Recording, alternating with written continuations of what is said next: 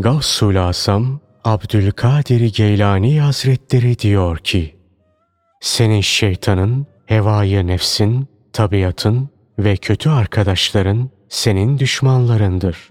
İlim öğren ta ki bu düşmanlarınla nasıl baş edebileceğini ve onlardan nasıl korunabileceğini bilesin. Sen Allah'a ibadet eder, kurtuluşa erdiğini sanırsın. Fakat bir de bakarsın ki ibadetin suratına fırlatılmış. Çünkü o ibadet cehalet içinde yapılmıştır. Cehaletinse küllisi mefsedettir, fesada sebep olucudur. Dünya bir zulmettir, karanlıktır. İlimde bu karanlıkta bir nurdur, bir ışıktır.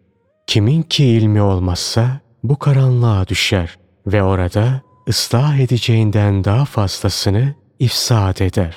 Hiç işitmediniz mi?